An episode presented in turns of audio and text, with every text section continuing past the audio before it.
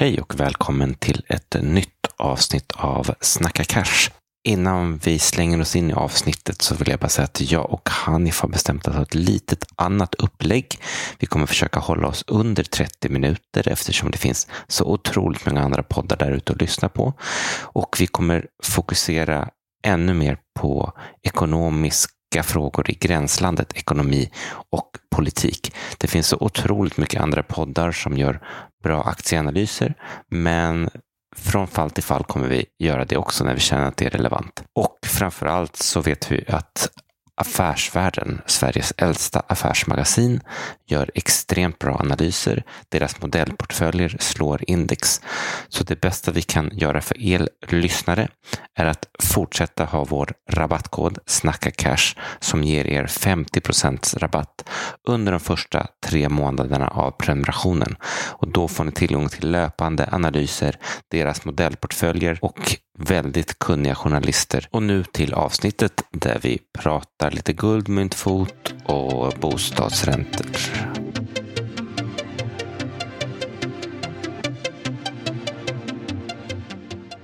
Jag hörde att du hade en teori om att eh, finansbranschen har förstört eh, innovationssektorn, eh, eller vad man ska kalla det. Jag, jag vet inte, det är liksom, om man tittar på någon, alla som är oerhört framgångsrika, de mest framgångsrika människorna, i alla fall ekonomiskt och, och sånt nu för tiden, så verkar det snarare ha med finansvärlden att göra mer än att de faktiskt har liksom uppfunnit något eller mm. kommit på någon djupare insikt om universum eller, eller något sånt. Um, det var efter att jag hade sett um, Oppenheimer. Mm. Den, den sista fys kända fysikern vi hade, han håller på att bli han dök upp på Epsteins ö, så att säga. Hawking. Mm. Så, eh, och, ehm, och, och så började jag så grotta ner mig i den här hemsidan som är så jävla som är så sjuk. Den heter What the fuck happened in 1971? Men var det inte, jag tror jag har sett så här äh, svartvita filmer typ så här, när Einstein kommer till New York. Då är det typ så här, som om alltså det är typ 200 000 människor på gatan. Liksom. In 1930 The world's most famous physicist, Albert Einstein, is met by adoring crowds in New York. He's just visiting, but before long, he and many other German Jews will be hoping to make a permanent home here. He's asked his opinion on prohibition. He doesn't drink, so he doesn't care.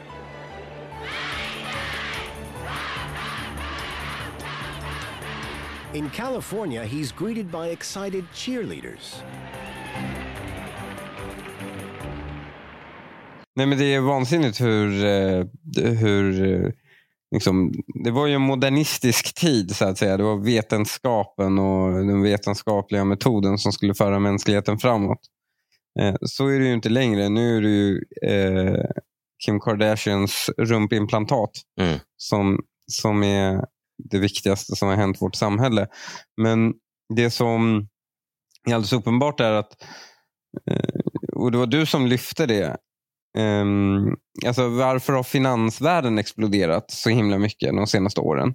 Ehm, och du lyfte upp eh, Bretton Woods mm. Eh, som det som skedde helt enkelt 1971. Eller man släppte Bretton Woods. Eller man släppte, man släppte det, exakt.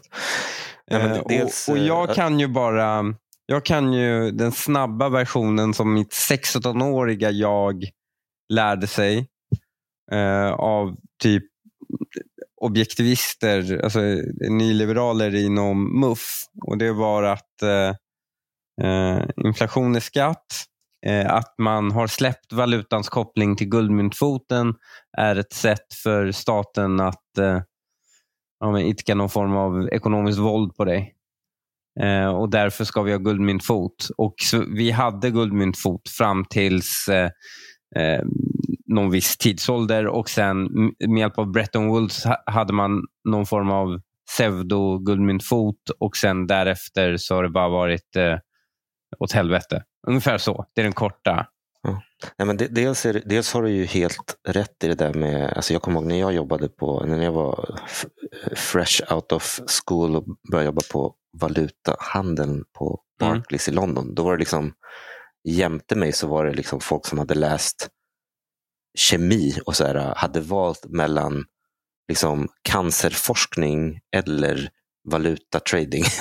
Men valutatradingen betalade 10 000, eller liksom fem gånger mer, liksom, eller tio gånger mer. Ja, men det verkar ju vara så att det är väldigt smarta människor som hamnar i finans... Alltså det är många smarta människor som hamnar i finansmarknaden. Sen är ju inte alla på finansmarknaden smarta. Det är inte det jag försöker säga. Men den suger ju upp väldigt mycket talang. Ja, men det, det, det, ja, men dels gör den det, men det intressanta är också att du behöver inte den hjärnkapaciteten oftast. Alltså typ, liksom den här cancerforskaren satt ju bredvid mig och jag satt ju bredvid liksom någon totalt liksom, outbildad britt som bara körde på magkänsla. Och liksom, ja, han var ju förmodligen bäst på sitt jobb eh, av oss tre. Liksom. Han, han hade köpt en Nvidia. Men det blir ju bara så att liksom, har du en bransch som betalar väldigt bra så, så, så liksom kommer de Ja, på någon, du måste ju bli någon urvalsprocess. Då jag tror det var du som drog parallellen. Du sa någonting om att eh, om astrologer fick eh, liksom 10 miljoner kronor var så hade de allra mest smartaste människorna blivit astrologer. Ja, eh, och sysslat med astrologi liksom, och läst tarotkort åt oss. Ja, och det gör man ju delvis då. den, den, den liknelsen är ju mer den, är, den stämmer ganska bra eftersom det finns ju teknisk analys och all, liksom, otroligt mycket av big brain-analysen som görs inom finans är ju, är ju typ i nivå med astrologi. Ja. Äh, men, ja, men till, tillbaka till Bretton Woods. Liksom, världen behöver ett sätt att balansera underskott och överskott mellan länder. Okay. Eh, och liksom, ja, om man tar Norge som ett bra exempel. De liksom, vi, vi exporterar mycket mer än vad vi konsumerar. Mm. Hur ska vi lagra det här överskottet? Liksom, vi kan inte lagra det i liksom, norska kronor. Liksom, vi måste liksom lagra det i någonting som vi vet kommer ha ett värde om typ 50 år när vi behöver det. Mm. Det kan inte bara vara en, liksom, en pappersvaluta som vi själv trycker. Och då var tanken, okej, okay, guld kommer vara det här liksom, balanserande ankaret i hela ekonomin. Men eftersom det är lite omständligt att liksom, skeppa guld runt omkring så lagrar vi typ allt guld i USA. USA ger ut dollar baserat på guldet som finns där och sen så skeppar vi dollar fram och tillbaka till varandra. Mm. Det var typ det som Bretton Woods var. Sen finns det lite roliga historier om att det var typ inte ens tanken att det skulle vara dollar. Sen någon hade skrivit in, det först var en placeholder och sen hade någon, någon smugit in dollar för den placeholdern och sen så blev, blev det dollar. Mm. Eh, och sen så liksom började USA kan man säga, liksom, utnyttja det här att ingen riktigt räknade exakt hur mycket guld det fanns versus hur mycket dollar det fanns. Eh, så de liksom tryckte mer dollar än vad det fanns guld. Sen så, det var ju några europeiska länder som bara, vänta nu, vi, vi tror liksom inte det här stämmer. Vi vill, eh, vi vill, vi vill liksom växla in våra dollar mot, er, mot guld, mot den här växelkursen som var typ 41 eller vad det var. Och då sa USA, ups, nej men liksom, det, vi, vi har ljugit här, det går inte. Tekniskt sett gjorde de en, liksom, en, av de största defaultsen i historien. Eh, men det fanns liksom inte så mycket alternativ. De hade den största militärpowern.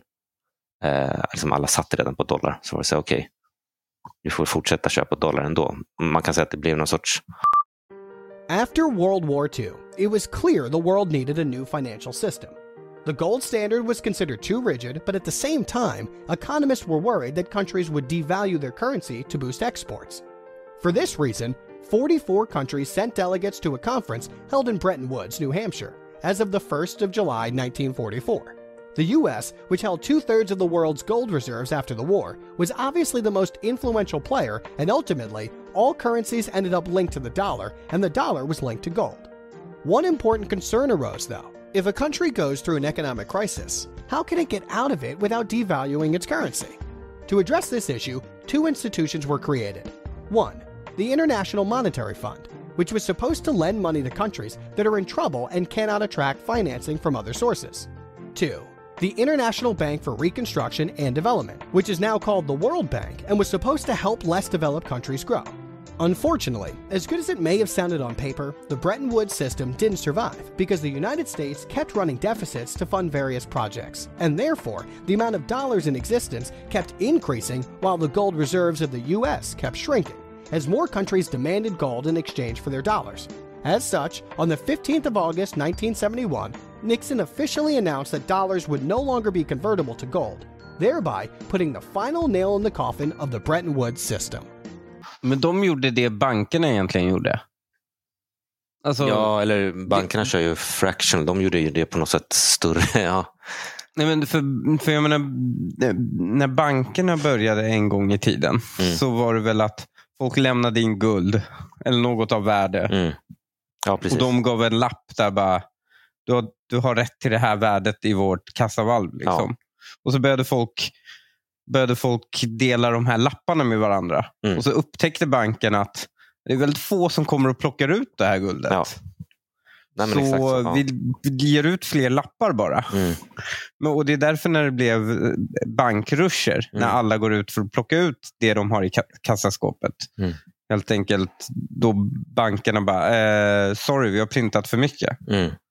Och USA gjorde det fast med alla andra länders guld. Mm.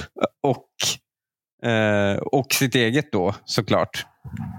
Eh, och eh, bara sorry, säger den. Mm. Ja, precis. Och det som hände efter det kan man säga att det var att man, man gick egentligen över till typ en, en sorts oljemyntfot istället för guld. För någonstans, om- du tar Norge som exempel igen, så, så de accepterar kanske inte riktigt så här, okej, vi säljer massor med värdefull olja idag och vi får in dollar för det.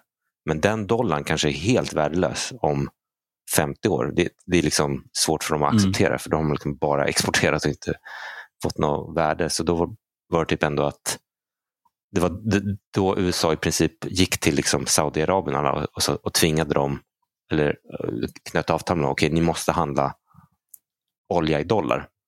Och då har man liksom försökt hålla en, liksom en, vad fan heter det, en barrel of oil ska vara liksom ett visst spann av, av, av dollar. Liksom.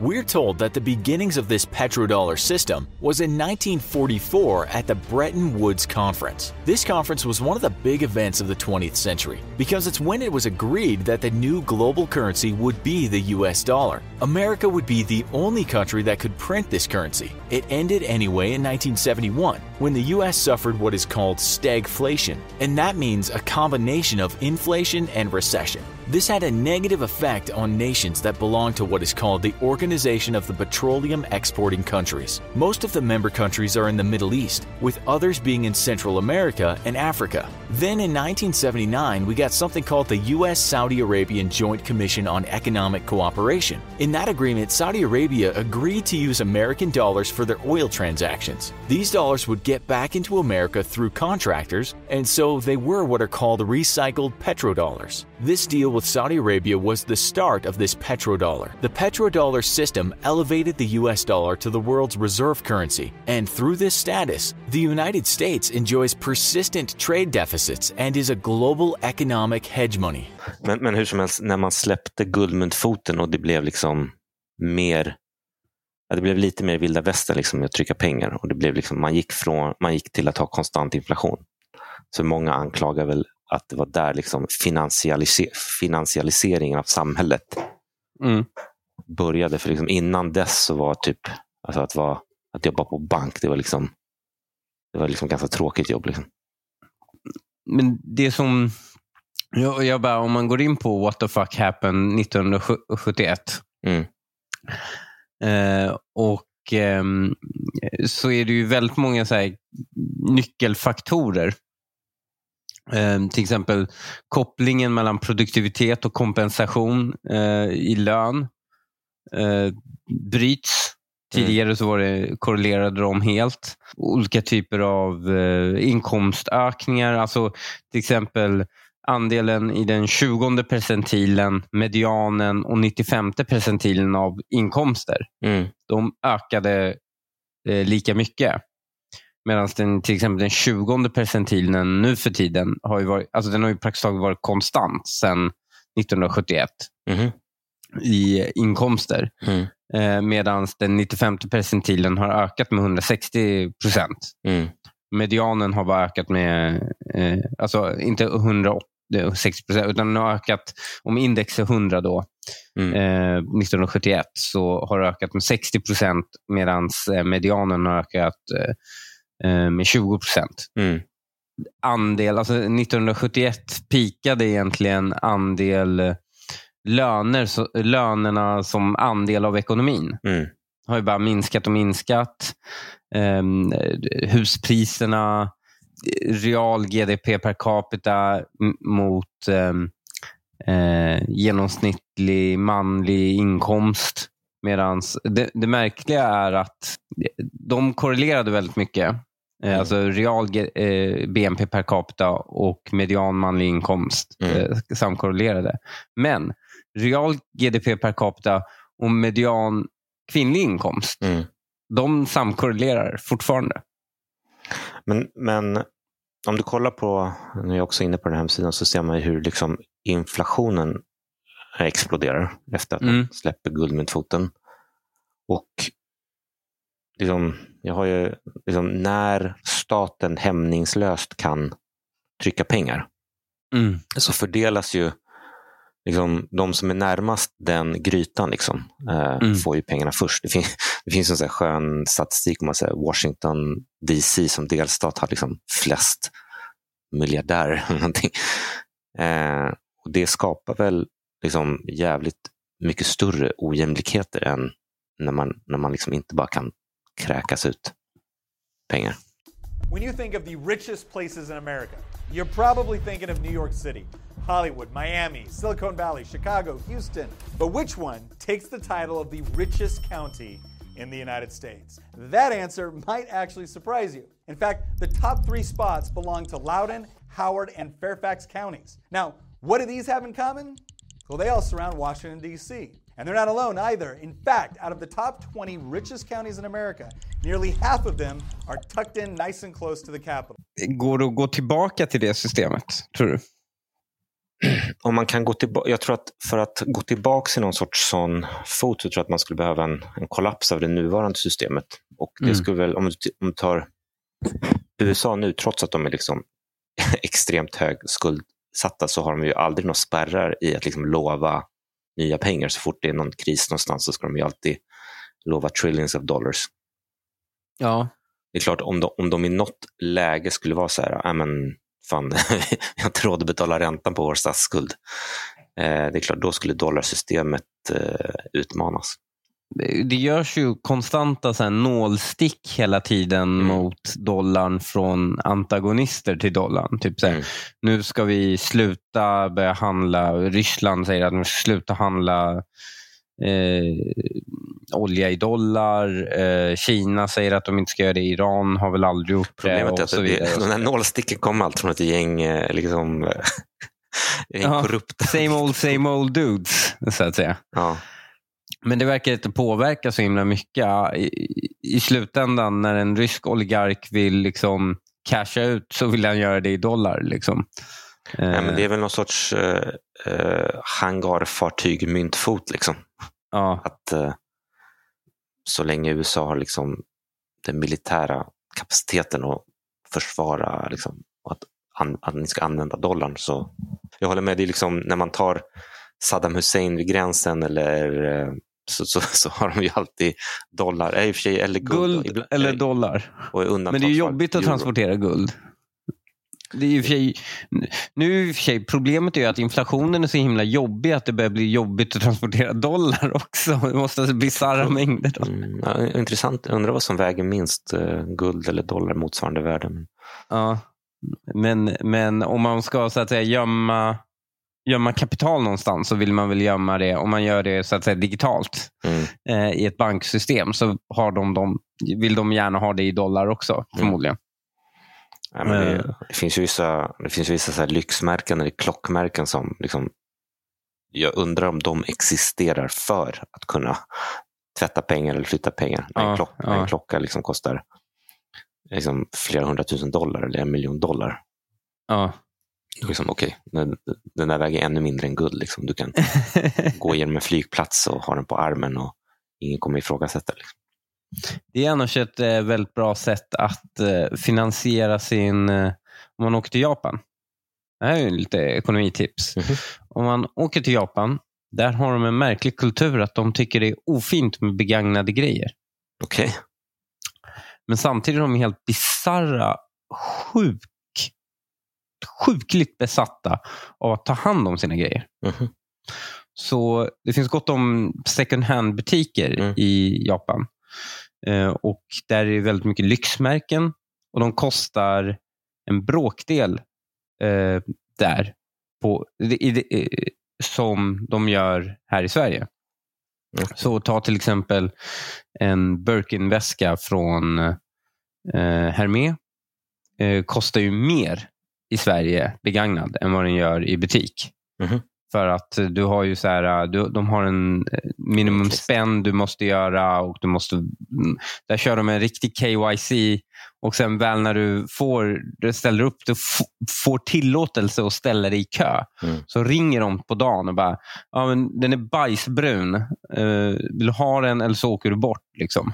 Det låter Då exakt måste som du köpa den. bil, bilmärken och klockmärken också. Ja, de jobbar ju så och, eh, och det, på så sätt så driver de ju upp priserna. Men i Japan så kostar en Birkin en bråkdel. Alltså en, en Birkin som kanske kostar 120 000 begagnat Jag här. tänker att internet borde minska de där skillnaderna. Det är olagligt att exportera. Är det sant? Ja, de har sjukt höga tullar, i Mhm. exporttullar. Så du kan bara ta med dig ut i liksom privat syfte. Mhm. Så eh, det är ju många som kör en klocka på varje arm och lite här grejer eh, på väg ut. Eh, även klockor gäller samma princip. Men du kan ju de facto finansiera i alla fall hela semestern genom att bara ha med dig tillräckligt mycket pengar för att köpa en Birkin och sen sälja den när du kommer till Sverige. Eh, eller eh, tillbaka helt enkelt. Så om du köper den där, säljer den här, så har du Mm. fått en gratis resa. Jäklar. Eh, Ja. åka till Japan.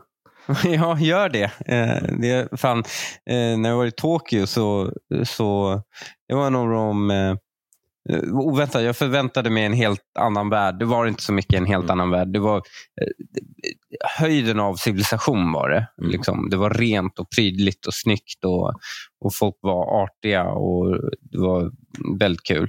Men eh, det som jag inte hade förväntat mig, jag hade förväntat mig att äta massa god japansk mat. Mhm. Men eh, jag noterade att all deras mat är fenomenal. Alltså Mm. Du kan ramla ner i ett så här ställe med så plastmenyer och du vet, eh, i en källare i deras turistigaste område. Och det kommer fortfarande vara det godaste du ätit. En Mm. Oerhört hög nivå på maten. Så åk till Tokyo för att äta bara. Ja. Fan, Mm. eh, nej, men jag har hört att typ, till och med deras McDonalds ska vara sjukt bra. Ja, ja, ja. Det, det, men också, det är inte så här, det deras italienare, deras franska och det är japanerna själva som driver det. Men de är, de är liksom så stört bra. Mm. Men så går det väl när alla som jobbar är extremt, eh, extremt högt humankapital. Men det intressanta i Japan också är att det är väldigt få i Japan som har en mastersutbildning. Mhm. Så normen är att du tar en kandidat, sen ska du ut i arbetslivet. Det är bara så här, eh, de, de tycker att det är konstigt att du, då ska du liksom, om du inte ska satsa på en akademisk karriär, tycker de det är märkligt att du ska liksom, sitta och harva runt i utbildningssystemet. Mm. Då ska du ut, ut i, in, till, till, till liksom myrkolonin och, och vara en good worker. Ja, de- har ju för visat att man kan ha typ 200% statsskuld och eh, ändå klara sig. Ja, ja, verkligen. Men de har haft deflation ganska länge. Ja, precis. Men, Har de inte? eh, precis. Men ändå verkar inte samhället ha kollapsat så som... Nej, och deras livsstandard ökar. Ja. Deras, eh, allting liksom, eh, de har en viss demografisk kris men de, ten, de tenderar att kunna försöka lösa det med liksom, bättre hälsa och bra teknik och, och lite sånt. Liksom. Eh, högre produktivitet. Eh, men det är, det är intressant att titta på vad som sker på bostadsmarknaden. Jag menar, bilden av Japan man har är att det är så fruktansvärt. Du bor trångt och det är dyrt. Mm. Eh, när vi var där så tittade vi lite så på hyrespriser och bostadspriser så skiljer det sig inte så himla... Alltså downtown Tokyo skiljer det sig inte markant från downtown Stockholm. Mm. Det var inte alls mycket dyrare. Och Det de ser nu är att eh, de har en sån kraftig befolkningsminskning. Att så att säga Lebensraum ökar för japanerna. De kommer, de kommer inte behöva bo lika trångt. Mm. Eh, och, men det de tror främst kommer påverkas av det är att förorterna kommer dö. Folk Mm. kommer bo mer centralt. Men apropå bostäder, kan, någonting som säkert många funderar på. Eh, jag tänkte, kan vi avsluta med att prata om eh, bostadsräntor och räntor? Mm. Jag har ju eh, haft, jag, har- jag, mitt lån ligger här för omläggning. Mhm. Eh, Mitt också och, just nu faktiskt. och, Mm. eh, jag, jag, jag, jag, har 0, eller jag har typ 1 procent som rullar av då. Jaha, du Men- har bundet? Ja, precis har jag haft.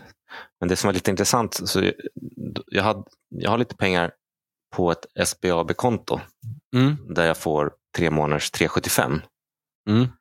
Och så kollade jag av vad är de bundna räntorna som man kan få. Och då fick jag från min bank, då kan jag binda på, tre, på fem år. Så kunde jag binda på 340. Så då kan jag i princip ha kvar mina pengar på SBAB som på korträntan då ger 375. Och så har jag lägre ränta fast bundet fem år. Mm, mm. Så, så rid, sen är frågan då, klart börjar de sänka så kommer min sparränta att gå ner. Ja, ja. Och många verkar ju liksom hoppas nu på sänkningar. Eh, jag, vet inte va, alltså, var, jag vet inte varför folk är liksom så hoppfulla på det. För, för att Riksbanken ens ska sänka så är liksom, det de säger i varje fall det är att liksom, vi ska ligga på 2% över en cykel. Mm, mm. Eh, jag gjorde lite överslagsräkning så vi behöver ha 0,5 procents deflation i fem år i rad för att de här tio åren ska hamna på 2 procent. Inte förrän liksom inflationen kommer, bör, börjar komma in under 2 procent borde de egentligen ens fundera på att börja sänka. Men, eh, men det är klart, och, och sen det andra är att såklart, det kan komma en väldigt kraftig sänkning men det är oftast kopplat till någon sorts ekonomisk kris. Ja, blir- vi får ju se hur tufft det här året blir. Mm. Det spår ju, man spår ju väldigt eh, hög arbetslöshet och, och andra problem. Så, Alltså det är otroligt mixade signaler. Dels har liksom typ all time high konkurser och bygg är ju, bygg är ju väldigt negativ. Men sen är Ja. frågan, är de ledande eller laggande? mm, För, för du, har ju, du har ju positiva vinstvarningar eller liksom folk, företag som går bättre än väntat på andra sidan. Eh, Jag har ju haft 100% fel här i ett år på den här podden. Men, men jag skulle, mitt stalltips skulle väl vara att de ligger kvar ganska länge. Och, men att liksom, jag såg att bankerna planerade med sänkning till sommar. Ja, men alltså det är deras konstiga modell liksom, Ja. som, som eh, resulterar i det. Det är, liksom, det är ingen som vet eh, någonting. Men för att de ska sänka, då skulle inflationen behöva falla väldigt kraftigt. Alltså den, skulle, den skulle behöva börja komma in under målet på 2% flera i rad.